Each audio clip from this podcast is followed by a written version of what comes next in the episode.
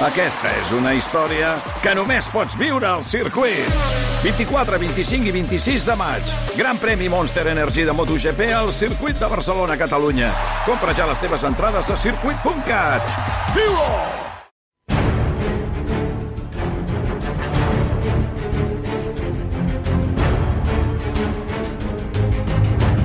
RAC més i Parlem Telecom us ofereixen Ja som aquí amb Enric Lucena i Oriol Dalmau. Fent història en present.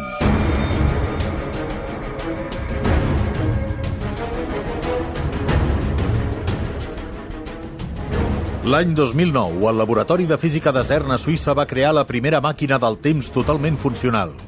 El món va creure que aquella construcció immensa de 9.000 milions d'euros no era res més que un accelerador de partícules. 11 anys després havien aconseguit reduir la màquina fins a encabir-la dins d'una autocaravana campa. El 2020, per culpa del confinament mundial, tots els científics del CERN van tornar als seus països d'origen. Un d'ells, Oriol Dalmau, becari i català, davant la impossibilitat de pagar-se el bitllet de tornar de casa va agafar sense permís un vehicle de l'empresa. Una autocaravana camper amb les claus posades. Va sortir de Suïssa un dilluns i va arribar a casa dues setmanes abans acabava de realitzar sense saber-ho el primer viatge en el temps. L'Enric Lucena, periodista i llicenciat en Història de l'Art, va ser l'únic que el va creure i, de fet, l'únic que li va agafar el telèfon. Junts van prendre la decisió de viatjar pel temps per viure en primera persona esdeveniments històrics del passat. Els primers viatgers temporals de la història i per la història. Benvinguts a Ja som aquí.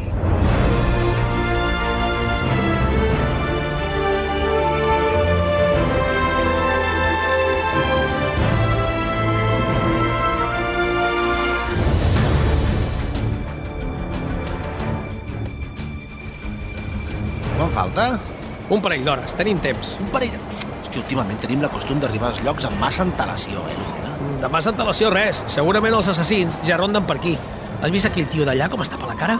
Està per la cara perquè està nevant i fot un fred de l'hòstia. Això és Madrid i quan fot fred, fot molt fred. Hem de passar dues hores aquí al carrer amb, amb passant neu? Però tu et penses que trio les hores sense pensar, No, o no, què? No, no, tu, tu, tu penses molt, però pensant en tu. Penso en la missió, vols dir. D'aquí menys de dues hores, el carruatge que porta el general Prim serà assaltat just aquí, en aquest carrer on som ara, al carrer del Turco. Aquesta merda de carrer és el famós carrer del Turco?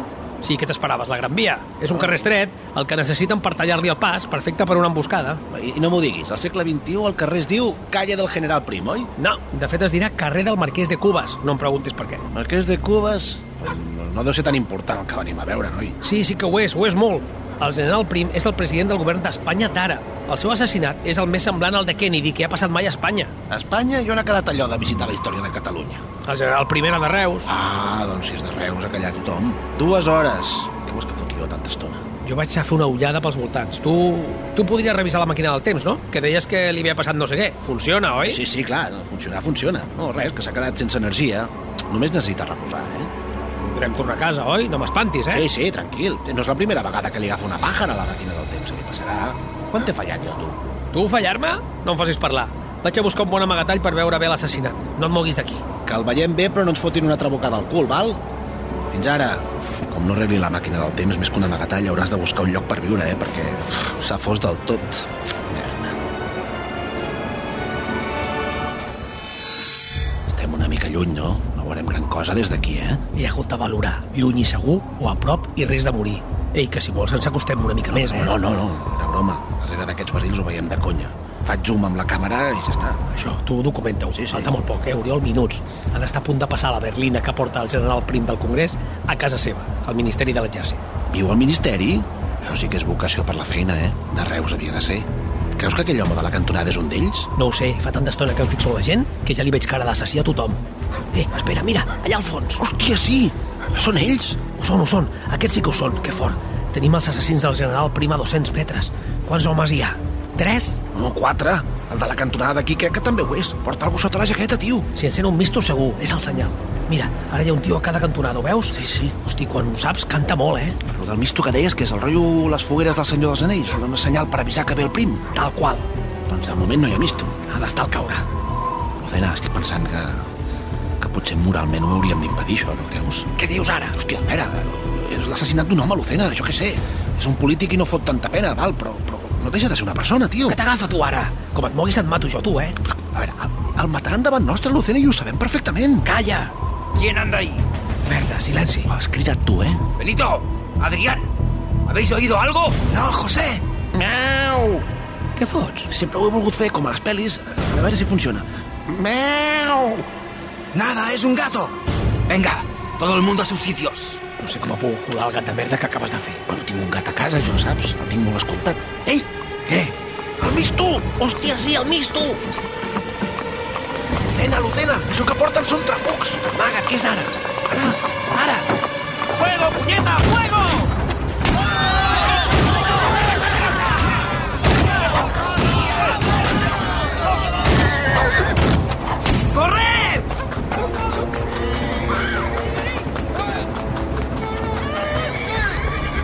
Eh, Lucena, estàs bé? Joder, m'he quedat una mica en xoc. Tio. És que no és el mateix llegir-lo als llibres d'història que veure-ho en directe. És, és, és flipant. Doncs espavila, nen, hem de fotre el camp d'aquí. Què? Fotre el cap? Hòstia, Oriol, no recordes el pla? Pla, vaig llegir el dossier en diagonal, et sorprèn? El seguim. Tu el segueixes a ells i jo segueixo a Prim. Va, va, va, va. Ah, val, val. Eh, per què jo segueixo cinc tios armats i tu un pallo ferit? Ho hem decidit amb l'Àngel fa dues setmanes. No em toquis els collons ara. Tira, a veure si descobreixes qui són. Encara em pelaran a mi també. Va, parlem per l'auricular de Parlem Telecom. Va, adeu! Val. I, I ara qui segueixo, jo? Si eren un munt. Em cago en tot. Si a més ja no hi ha ningú. Val, això deu ser la Puerta del Sol, suposo, Suposo perquè està canviadíssima. A veure, on collons està el Café Levante aquell... Allà. Lucena, Lucena... Lucena! Lucena! Bon dia, tio. Oriol, coi, nen, són les 8. Havíem quedat a dos quarts de 8, eh? Bueno, m'he dormit, ho sento. Dormit? Has anat a la pensió? A dormir?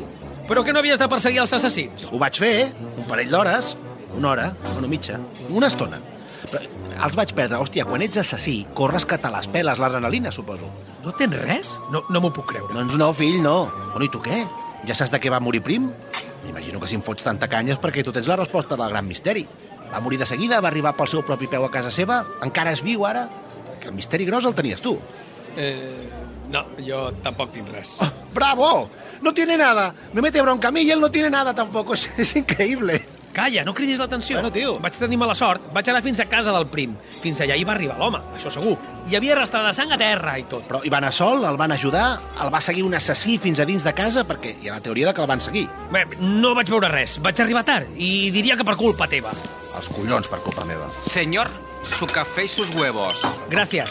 ¿El caballero quiere algo? Yo, los compañeros de trabajo que te critiquen y luego lo hacen peor que tú, me quitan el apetito. Muchas gracias. A mandar, señor. Cafè i ous ferrats, una combinació a prova d'úlceres, eh, Lucena? És que els callos ara no em venien massa de gust. Mira, has vist aquella taula d'intel·lectuals d'allà? Sí. Estan parlant del tiroteig d'ahir a la nit. De moment no ho sap gaire gent, però aviat, aviat no es parlarà de res més. Si van lentes les notícies, sí. Com es nota que no hi ha Twitter, eh? Bé, ara hem d'iniciar la fase investigació, Oriol. Portes les maletes? Sí, sí, aquí estan. Plenes de calces i sostenidors. És de llarg l'atretzo més friqui de tots els viatges en el temps que hem fet fins ara, eh? No és a 13. No recordes el pla? Val, no recordes el pla. Bueno, en diagonal. Som dos catalans que venim a Madrid a vendre cotilleria i roba interior femenina a les botigues més exclusives de la capital. Vale. Segons l'Àngel, cola perfectament. Es veu que en aquesta època començaven a venir els primers catalans a Madrid a fer aquesta mena d'intercanvis comercials i a més eren ben vistos. Val. I venem sostenidors i calces i no venem, per exemple, aspiradores perquè així podem accedir a les dones dels polítics, no? Sí, això farem. A personatges prou importants com perquè ens puguin explicar coses fiables de l'assassinat en prim, doncs no hi podem accedir directament. Ja. I si poguéssim accedir, no ens dirien res. O qui sap si ens detindrien per sospitosos per anar a preguntar. No, no fotis, no. Però a les seves dones via cotilleria sí que hi podrem accedir. Val. Però vols dir que pel fet d'estar venent calces a una botiga exclusiva de Madrid tindrem la sort de coincidir amb la dona d'allò que sé, el ministre de l'Interior? Si és que aquesta figura existeix ara, que no ho sé? Com es nota que no et llegeixes el dossier? Tenim informació de l'Àngel d'una botiga en concret. Espera, mira. Aquí. Les dues paraules, calle Hortaleza. Vale. Hi van dones de militars, gairebé exclusivament. I avui totes parlaran del mateix perquè et pots imaginar que els seus marits han tingut una nit mogudeta. Ah, el tema prim, sí, sí, segur. Si passem allà prou temps i ens guanyem la confiança de la que tingui el marit més important... Potser descobrim coses, entès? És un pla de merda, suposo que ho saps, eh? Era un extra! El gruix l'havies d'esbrinar tu seguint els assassins ahir a la nit, així que calla. No, ho diu el que no va descobrir res, tampoc. Au, anem a vendre tangues, tu. Espera, espera, posa't el resum de l'Àngel. No, ja me l'he escoltat, eh? No, no ho has fet. Sí? Amb quina frase comença? Amb un... Hola, nois. No, ah. escolta, vull que estiguis una mica al cas d'on som i què anem a investigar. Si no saps el que sí que se sap, com coi podràs diferenciar quan t'expliquin el que no se sap? Ja. Val, val. En fi, resum. Vinga, Àngel. Aquesta vegada sortiu de Catalunya per mirar d'aclarir el magnicidi més misteriós de la història espanyola i que té com a víctima, precisament, un general català, Joan Prim i Prats, un reusenc nat el 1814 i que ha fet una carrera en la que ha combinat els seus èxits com a militar a llocs com el nord d'Àfrica amb càrrecs polítics com la governació de Puerto Rico, que encara era colònia espanyola entre 1847 i 1848, i que té una certa aura d'heroi amb frases com la de o caixa o faixa que se li atribueix. Com la política espanyola de la monarquia d'Isabel II estava dominada per l'exèrcit, no ha de sorprendre que Prim entrés en política des de posicions progressistes i democràtiques que el situaven en una situació d'oposició no només davant del govern de torn, sinó davant del propi règim. Així que va participar en diversos intents de cop d'estat i conspiracions els anys 1864, 1865, 1866 i el definitiu, el de 1868. Al Madrid de 1870 trobareu un govern i un Parlament que són la combinació d'interessos que es van posar d'acord per fer fora Isabel II, però que no són capaços d'acordar el nou règim polític. Espanya és oficialment una monarquia, però té com a regent el general Francisco Serrano, molt ressentit en prim perquè li ha pres el poder real que exerceix ell. S'ha estat discutint sobre la forma d'estat, si monarquia o república, però Prim és un monàrquic convençut i vol un rei. Això l'enfronta a la minoria republicana del Congrés, on hi ha l'actiu diputat José Paul i Angulo. Una part dels monàrquics voldria com a rei el duc de Montpensier, Antoni d'Orleans, un noble francès casat amb la germana d'Isabel II, la reina destronada, i a qui Prim no vol veure ni en pintura. Finalment, Prim ha aconseguit del Parlament que aprovi l'elecció com a rei de l'italià Amadeu de Savoia, mal vist pels sectors integristes catòlics, pels monàrquics conservadors, pels carlins, pels republicans... En fi, un rei que només té el suport de Prim. Com veieu, hi ha molta gent que li té ganes al general. L'atemptat que aneu a documentar és tan misteriós com la mort de Kennedy l'any 1963. Sabem que va ser emboscat a la calle del Turco i si va bé, sereu testimonis dels fets. Però qui ho va fer? El sumari de més de 16.000 folis no ho va aclarir mai. I tot i que alguns dels que l'han estudiat assenyalen a Paul i Angulo, la vídua de Prim sospitava de Serrano i sembla que el duc de Montpensier havia organitzat alguna conspiració encara que no es pot provar que fos la del seu assassinat. Es van fer l'any 2012 dues autòpsies del cadàver momificat i una d'elles afirmava que la causa de la mort era l'estrangulament que s'hauria produït quan Prim estava convalescent d'unes ferides que no eren mortals. Us enfronteu a tot un repte, a veure si teniu èxit on han fracassat tants investigadors abans. Ah, abans que l'Oriol desconnecti. El Madrid que trobareu és una ciutat de funcionaris, polítics i militars, i vosaltres passareu per dos viatjants catalans de roba, que en aquests anys començaven a sovintejar per la capital. No hauríeu de tenir problemes, però topareu amb gent molt susceptible i gelosa del seu honor, que a la mínima ocasió no dubtaven en batre's en duel. No sé per què us ho dic. Repeteixo que és gairebé impossible que tingueu cap disgust per això. Ah, i sobretot, no canvieu res. Esteu en un moment molt delicat de la història, no només catalana, també espanyola. Fi del resum.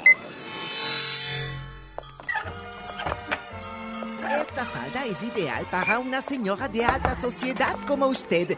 Con el tiempo se irá aflojando. Es mejor que vaya justa al principio. Aunque si quiere, probamos una talla más. Teresa, por favor, busca una talla más para la señora. Bienvenidos a las dos palabras. ¿Qué desean? Buenos días, caballero. Somos viajantes de la empresa textil Tejidos Dalmau y Lucena Asociados. Ah, catalanes quizá. Pues sí, caramba, qué, qué buen oído tiene usted. Ah, tengo amigos en Barcelona. No quiero parecer descortés, pero lo normal hubiera sido concertar una cita así de pronto, sin avisar. Traemos corsetería y ropa interior femenina catalana solo apta para las damas de máxima categoría y de la más alta alcurnia. Pero si usted no está interesado, hay muchas más tiendas en Madrid que sin duda lo estarán. Bueno, bueno, tampoco se trata de eso. Aquí normalmente vienen mujeres de militares, pero militares de alto rango. Eh, ¿Tienen dinero? ¿Un 30%? Un 20. Hecho. Damas, señoras, señoritas, atiéndanme un segundo. Como saben, en las dos palabras nos encanta sorprender a nuestras clientas especiales. Hemos movido muchos hilos, incluso diplomáticos, pero por fin hemos conseguido tener aquí a los dos mejores vendedores de corsetería de toda Cataluña. Ellos son Dalmau y Lucena. Dalmau y Lucena. Han vestido la ropa interior de duquesas y nobles catalanas de la más alta alcurnia por varias generaciones. ¡Oh, qué sorpresa más deliciosa! Y qué oportuno. Veamos esa mercancía. Bueno, a ver, ah, llevamos dos maletas, una con sujetadores y otra con, bueno, lo que serían las bragas. Hòstia, Oriol, com maco, com a ganador VIP no guanyaries eh, la vida, eh? Vengan, vengan! Déjeme echar un vistazo. Me gusta ver el género por mí misma en vez de escuchar aburridos vendedores. Por supuesto. Eh, Nada que no haya visto ya en otras tiendas del centro. Hola. Oh, hola, la, la verdad es que el que vende bien es mi compañero. Yo, es mi primer día y bueno. Ah, No me interesa la ropa de su amigo. Me interesa la que llevas tú. Me acaba de guiñar un ojo. Lucena, Nen, no sé, a mí què m'expliques? ¿Cómo se llama? yo, Oriol. Qué nombre más exótico. Ah, Yo, María de la Concepción Remón Zarco del Valle y Vález. Es un nombre un poco largo, pero le aseguro que lo va a recordar. Acompáñeme al probador. Creo que podremos mirar más cómodamente cómo me quedan estos sujetadores. María, no seas tan descarada. Sois vosotras las descaradas que os miráis vuestra futura ropa interior delante de todo el mundo. Pobre catalán. ¿Te vas a ganar bien la paga de hoy? Bueno, ¿dónde decía de ir? Al fondo del pasillo, en la puerta izquierda, hay un probador privado. Eh, Por favor, eh, compórtense que este es un local decente. Bueno, yo... Hasta ahora, chicas. Hasta ahora. És increïble l'èxit que té l'Oriol al segle XIX. Espero que no la torne a liar. A ver, señoritas, nosotros no vamos a ir a ningún reservado, pero no por eso van a dejar de disfrutar de estas prendas exclusivas. Hagan una fila. ¿Alguna de las presentes tiene un marido militar? Yo. Yo también, de eso nos conocemos. Por cierto, mi marido me contó ayer una historia para no dormir. No sé si le entendí muy bien, estaba muy nervioso. El mío no ha dormido en casa. Ha pasado algo gordo seguro. Estoy preocupada. Eh, ¿Le importa esperar un segundo? No, no, ningún problema. Soy todo oídos, digo, todo paciencia. Gracias. Mm, ¿Tú, tú sabes algo? Bueno, por lo que parece ayer por la noche. Que no salgas tú de aquí, por favor. Pues Buenos días. Señor... ah, señor Fernando, eh, bienvenido a las dos palabras. ¿Cómo este gran honor? Déjense de tonterías, Manuel. ¿Dónde está mi mujer? Eh, Su... su... su eh, sí, claro, eh, está... Bueno...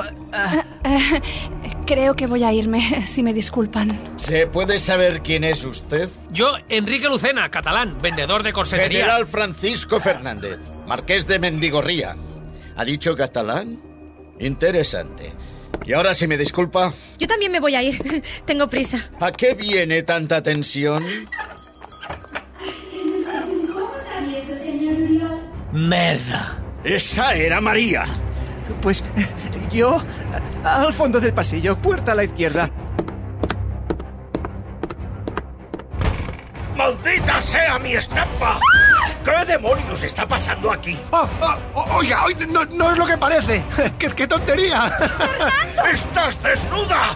¡Maldita zorra! No, de- desnuda, no, no, no, no, no. Solo de cintura para arriba. ¡Ven aquí, miserable bastardo! ¡Eh, no, no! ¡Ah, Lucena! ¡Suéltelo, suéltelo! ¡Somos vendedores de ropa interior! ¡Lo vas a matar! ¡Lo vas a ¡Pues claro que lo voy a matar! ¡Socorro! ¡Vendemos ropa interior! ¡Estamos trabajando! Para vender ropa interior le tienes que mirar los pechos desnudos a mi mujer. ¡Maldito hijo de Satanás! No, yo, lo, lo siento, lo siento. ¡Cállate, María! Ya hablaremos en casa. ¿Y tú?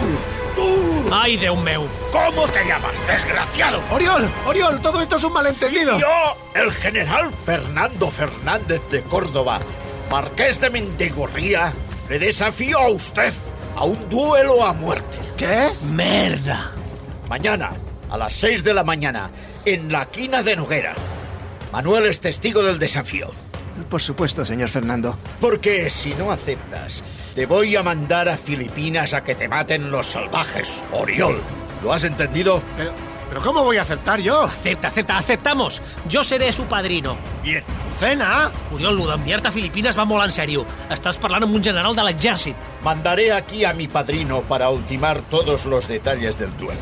Mañana por la mañana, la carga de su muerte en mi conciencia servirá de recordatorio para restablecer el honor que hoy me ha sido mancillado. Si me disculpan, caballeros, vámonos, María. Lo, lo lamento mucho, señor Uriol. ¿Pero qué acaba de pasar? Què acaba de passar? Que l'has cagat, Oriol, com sempre. Pero a ¿cómo un duelo? ¿Cómo un duelo? Mira, tranquil. Manuel, ¿nos disculpa? ¿no- ¿Nos deja hablar a solas? Eh, sí, sí, claro. Le aviso si llega el padrino del señor Fernando. Hasta ahora. Tranquilitat. Saltarem enrere un parell de dies. Crec que serà el millor. Ens oblidem d'aquest incident i, de pas, tornem a viure l'assassinat de Prim. Lucena. És molt millor. Com que ja tenim gravat l'assassinat, ara jo esperaré a Prim a la porta de casa seva i m'hi colarem qualsevol excusa. No li penso treure l'ull de sobre. Lucena. I tu et poses al final del carrer on Sí. vas veure fugir els assassins. Així tindràs molt més avantatge per perseguir-los. Lucena, escolta'm, joder! Què vols? La màquina del temps no funciona. Què? Com? Com que què? Com? Què vol dir que no funciona? Bueno, pensava que estava sobrecarregada, no ho sé, que necessitava temps, però ha passat tota la nit i, i no reacciona, no, no sé què li passa, no té energia, està caput. Com que està caput? Però no pot ser, hem fet això moltes vegades. Per què ara? Però, però què has fet? Jo? Jo res, però per, per què ha de ser culpa meva? No, no ho sé, perquè potser sempre és culpa teva? Eh, eh, no tens ni idea del que parles. Viatjar en el temps no és una ciència exacta. El que no ets un científic exacte ets tu, Oriol. De fet, ets el científic més desastrós que mai he conegut. Caput? Però, però què et fa gràcia? Bueno, el que estem fent no ho havia fet mai ningú, em sents? No, no hi ha precedents, hòstia. Tu només et preocupes dels dossiers i de l'Àngel... I... Oriol, m'estàs dient que no podem esquivar el duel que t'acaben de proposar? Bueno, jo... Señor Lucena, el padrino del señor Fernando está aquí. Ai, ai, ai, ai, ai. Espera'm a la pensió. Parlo amb aquest home i vinc. No facis res, no toquis res. Només intenta arreglar la puta màquina. Sí, sí. Hola. M'estalvia't la bronca, si pot ser. Ja estic prou nerviós. Dedueixo que la màquina del temps segueix sense funcionar. Bueno, és complicat d'arreglar una cosa tan delicada quan et tremolen les mans. I fa una estona que m'està començant a passar, eh? Com és possible que hagis aconseguit que et desafiïn a mort portant només unes hores al segle XIX? Com? Però a veure, a veure... Això del duel, de què va? Ens disparem com si fos el Far West, això? No ben bé, és llarg d'explicar. Per cert, està el dossier, eh? Bueno, no em vinguis amb collonades ara, eh? I he estat pensant, podem aconseguir bales de fogueig? Sí, no? Imagino que sí. Les armes les anirà a comprar un padrí imparcial. Ho hem estat parlant a la botiga. Estaran custodiades i presentades en una caixa de fusta fins al duel. Doncs, no ho sé, tenim diners. Subornem a qui custodi les armes i, i li posem bales de fogueig a les pistoles. T'ha desafiat un general de l'exèrcit, marquès de Mendigorria. No sé si els calés serviran de gran cosa. Joder, fes tu com vulguis, però haurem de posar bales de fogueig a les armes, Lucena. Imagina't que ho aconseguim. De què serviria? Si cap dels dos cau ferit, es donarà per fet que les armes no funcionen. És un duel a mort. No valdrà amb disparar sense encertar. Doncs no sé, jo em faig el mort i el Fernando ja es pensarà que ha guanyat. No, no, no. Hi haurà dos metges com a testimonis per certificar la mort d'un de vosaltres. És impossible que coli que et facis el mort, Oriol. Oblida-ho. Un dels dos ha de morir sí o sí. Mira, si no pots fer que la màquina funcioni i podem fotre el camp d'aquí, sí. Doncs li hauràs de posar les bales de fogueig només a ell. I el general Fernando haurà de morir, Lucena. Fernando Fernández de Córdoba, marquès de Mendigorría, casat amb Maria de la Concepción Remón Zarco del Valle i Vález. 43 anys, tres fills. És increïble. Però, però, però és que està al dossier. Ah, sí? És curiós, és un dels 20 personatges que l'Àngel ens recomanava conèixer a les seves dones perquè podrien tenir informació valuosa. Anaven bé, és increïble, anaven bé. Surt el dossier? Hosti, collons, ja és casualitat, eh? Per què et penses que el dossier és tan gruixut? El dossier també hi diu que serà ministre de la guerra amb Amadeu I i després breument durant la Primera República. I a més escriurà unes memòries publicades al 1886, però ell morirà al 1883. Com? No, no, ell morirà demà, Lucena. Ministre de la guerra amb Amadeu I. La Lucena! Canviarem la història molt! Bueno, és que si no ho fem em matarà. Però que encara no t'has enterat? Coi, jo soc, soc, soc el teu amic, que no, no te'n recordes. No, no voldràs quedar pel millor, no? Eh? eh? No, no, no, és clar que no, és clar que no. A veure, a veure, centrem-nos. Jo em dedicaré tot el que queda de dia a intentar arreglar la màquina. No sé, potser ho aconsegueixo i sortim d'aquí. Sisplau, Oriol, fes-ho. Però si no puc... Fes-ho! Si no puc, hauràs de subornar el paio que custodi les armes del duel de demà. I hauràs de posar bales de fogueig a l'arma del Fernando. I l'hauré de matar. I que la història faci el que coi vulgui fer. Sí, d'acord. Em poso amb la màquina. Jo, jo em poso amb lo de les bales de fogueig, a veure si, si les aconsegueixo. Bueno, I per què estàs tan seriós, Enric? Tranquil, eh, que el que té un duel a mort sóc jo, eh, nen? No, no, estic, estic tranquil. És només que... Bé, que, que canviarem la història. No em fa cap gràcia. Bueno, potser arreglo la màquina, no ho sé. Sí, sí, sí, és clar. Torno a última hora. Ja som aquí, Lucena. Sí, sí, sí, ja som aquí. Encara no em crec que estem vivint això. Has, has posat les bales de fogueig, oi? Sí, l'arma del coi de Fernando és com si fos de joguina. Tranquil. Ho has fet, eh? Que sí, i no ha estat fàcil. He hagut de donar al padrí que la custodiava al meu anell de casat d'or. Que ho sàpigues. Ja te'n compraré un altre quan tornem. Vinga, esperem. Crec que hem arribat. Joder, estic tremolant. No sé si és del fred o de la por. Hemos llegado, caballeros. Ja podria fer un dia una mica menys tètric, tu. Has posat les bales, oi? Quantes vegades t'ho he de dir? Són allà.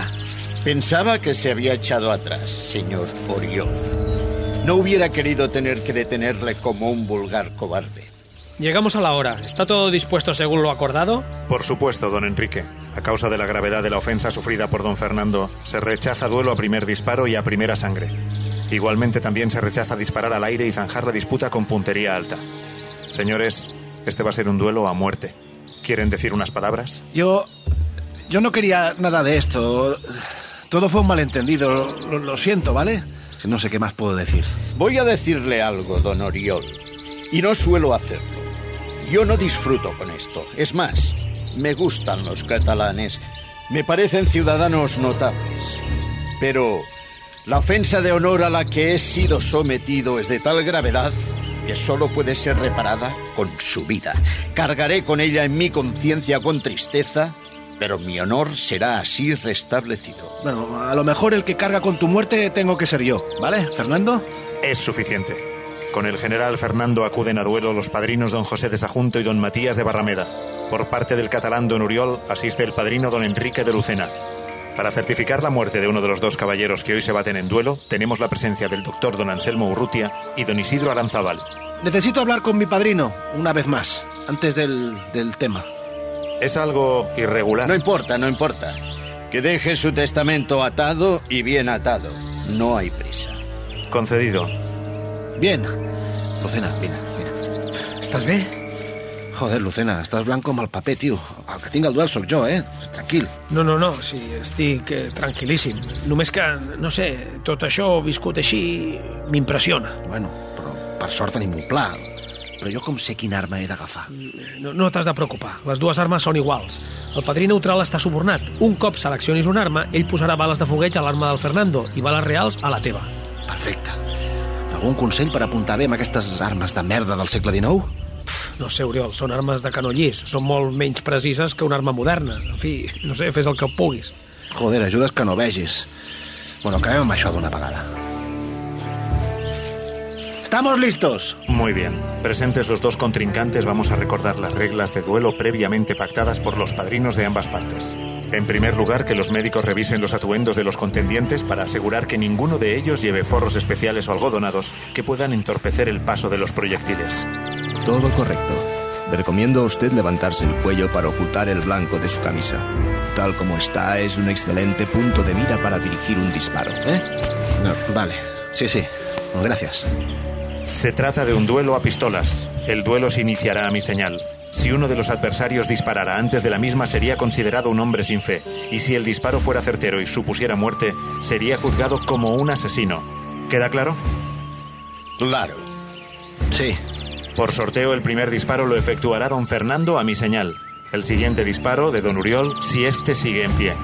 Este segundo disparo también a mi señal que se producirá a los 20 segundos y así sucesivamente hasta que los disparos causen la muerte de uno de los dos contrincantes.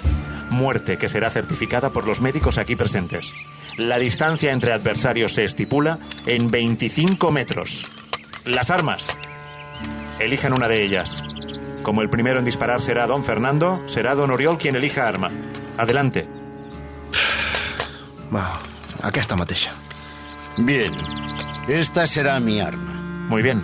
Elegidas las armas, voy a proceder a introducir proyectiles de idéntico tipo y procedencia para ambas. Se colocarán cinco proyectiles en cada una. Si se vacían los cargadores y ninguno de los contendientes ha caído, las armas serán recargadas de nuevo por mí y se procederá con otra ronda de disparos. Espero que per una vegada hagis fet bé les coses, Lucena. Su arma, don Oriol. Gracias. Su arma, don Fernando. Bien. Pónganse en las marcas.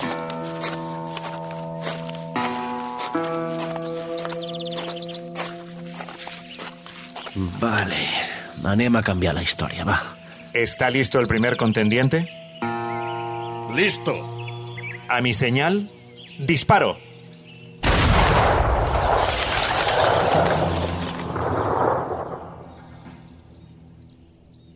Ah, vale. Estic bé, estic bé. Estic bé, segons lo previst. Dispara tant com vulguis, Fernando de merda, que portes petardos a la pistola. Disparo fallado por don Fernando. Turno para don Oriol a mi señal. Disparará a mi señal. Sí, vaig apuntar. Joder, com se'm mou l'arma, verda. Estic tremolant. Veig borrós.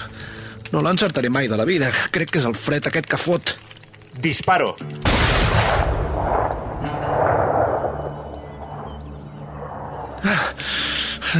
No, merda.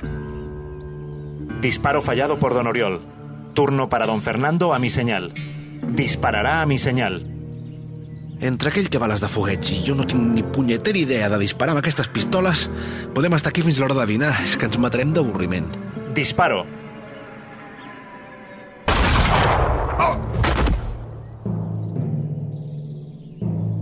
Contendiente herido. Médicos, por favor. No hace falta que lo digan los médicos. Está seco. Solo necesito un tiro para calibrar mi puntería. El segundo jamás lo fallo. Está vivo, pero la bala le ha perforado el pulmón. Morirá en pocos segundos. Eh, eh, Oriol, eh. Lu, Lucena. Sento, tio, ho sento en l'ànima. Jo... El, pa, el, padrin, el padrino ha complert la, la seva part. Ens, ens ha enganyat. Sí, sí, tio, ens ha enganyat, sí. Lucena és, és raro. Ja, ja no em fa mal. Ja, no, no. Oriol, Oriol. Si me permite, gracias. Está muerto. Bien, el duelo termina pues con la muerte de don Oriol. Los responsables de la funeraria, por favor, háganse cargo del cuerpo. Voy a rezar para la salvación del alma de don Oriol. Ahora, si nos disculpan, buenos días, caballeros. Fet? Què he fet? Señor Lucena, le veo a usted hundido. Sí, era... era un buen amigo. Los duelos a muerte nunca gozan de un final feliz para nadie. Ja. Bien, tenga un buen día, caballero. Si me disculpa. Ho havia de fer, Oriol, ho havia de fer. Si t'arriba a dir que les bales de fogueig no existeixen encara, que haguessin fet. No existeixen, Oriol. Les bales encara no existeixen. Ho sento.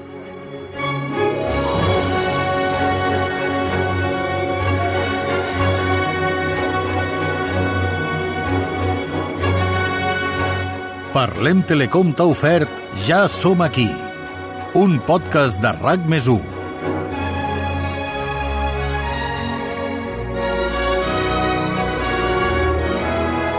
En el capítol d'avui heu escoltat les veus de Salva Coromina, Marc Abril, Marta de Santos, Josep Maria de Ramon i Laura López, i les col·laboracions especials d'Alejandra Castelló i Frank Blanco. Ja som aquí és un podcast escrit per Enric Lucena i Oriol Dalmau, amb l'assessorament històric d'Àngel Casals, professor d'Història de la Universitat de Barcelona. Disseny de so Salva Coromina. Idea original i direcció Enric Lucena. A Parlem fem el que fem perquè tenim un per què. Construir junts la millor teleoperadora de Catalunya per Catalunya.